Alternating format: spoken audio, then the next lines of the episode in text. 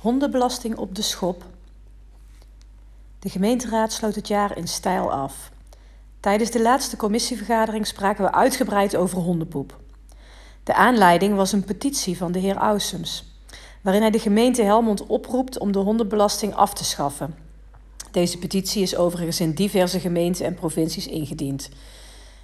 De roep om de afschaffing van de hondenbelasting komt niet uit de lucht vallen en klinkt al langer. Televisieprogramma Radar peilde hier twee maanden terug nog naar. En maar liefst 81% van de respondenten gaf aan dat de hondenbelasting op de schop moet. Men vindt het vooral niet eerlijk om honden te belasten en andere huis- en gezelschapsdieren niet. En men vindt dat de belasting niet ten goede komt aan de hond en de hondenbezitter, maar op de grote hoop bij de gemeente terechtkomt. Inmiddels weten we dat zo'n 30 gemeenten in Nederland de hondenbelasting hebben afgeschaft. Maar meer dan 200 gemeenten heffen de belasting nog steeds. Sommige van deze gemeenten innen de belasting en voegen deze toe aan de algemene middelen, de grote hoop. Andere hebben hondenbelasting als doelbelasting gelabeld en besteden het geld aan voorzieningen voor honden. Dat laatste gebeurt ook in Helmond. Met de jaarlijkse opbrengst van de hondenbelasting, 562.000 euro, Legt de gemeente Helmond honden loslaat- en uitlaatplaatsen aan, zorgt ze voor depotdogs, reinigt ze honden loslaat- en uitlaatplaatsen, enzovoort enzovoort.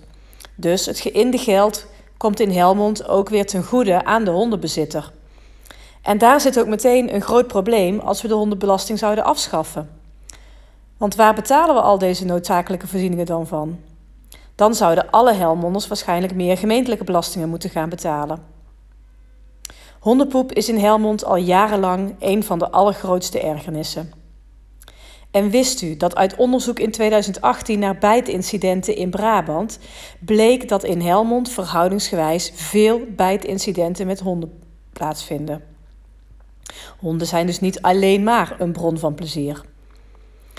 Tijdens de commissievergadering afgelopen week kwamen de anekdotes over hondenpoep in geuren en kleuren over tafel.